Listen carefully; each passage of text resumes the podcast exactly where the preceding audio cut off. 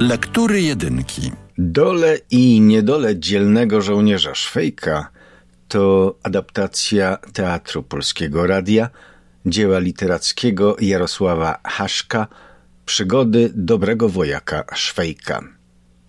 Premiera słuchowiska miała miejsce 14 marca 1994 roku. Przekład Józef Waczków. Adaptacja Hanna Marzańska. Reżyseria Andrzej Zakrzewski. Realizacja akustyczna Andrzej Brzoska. W roli Szwejka Krzysztof Kowalewski.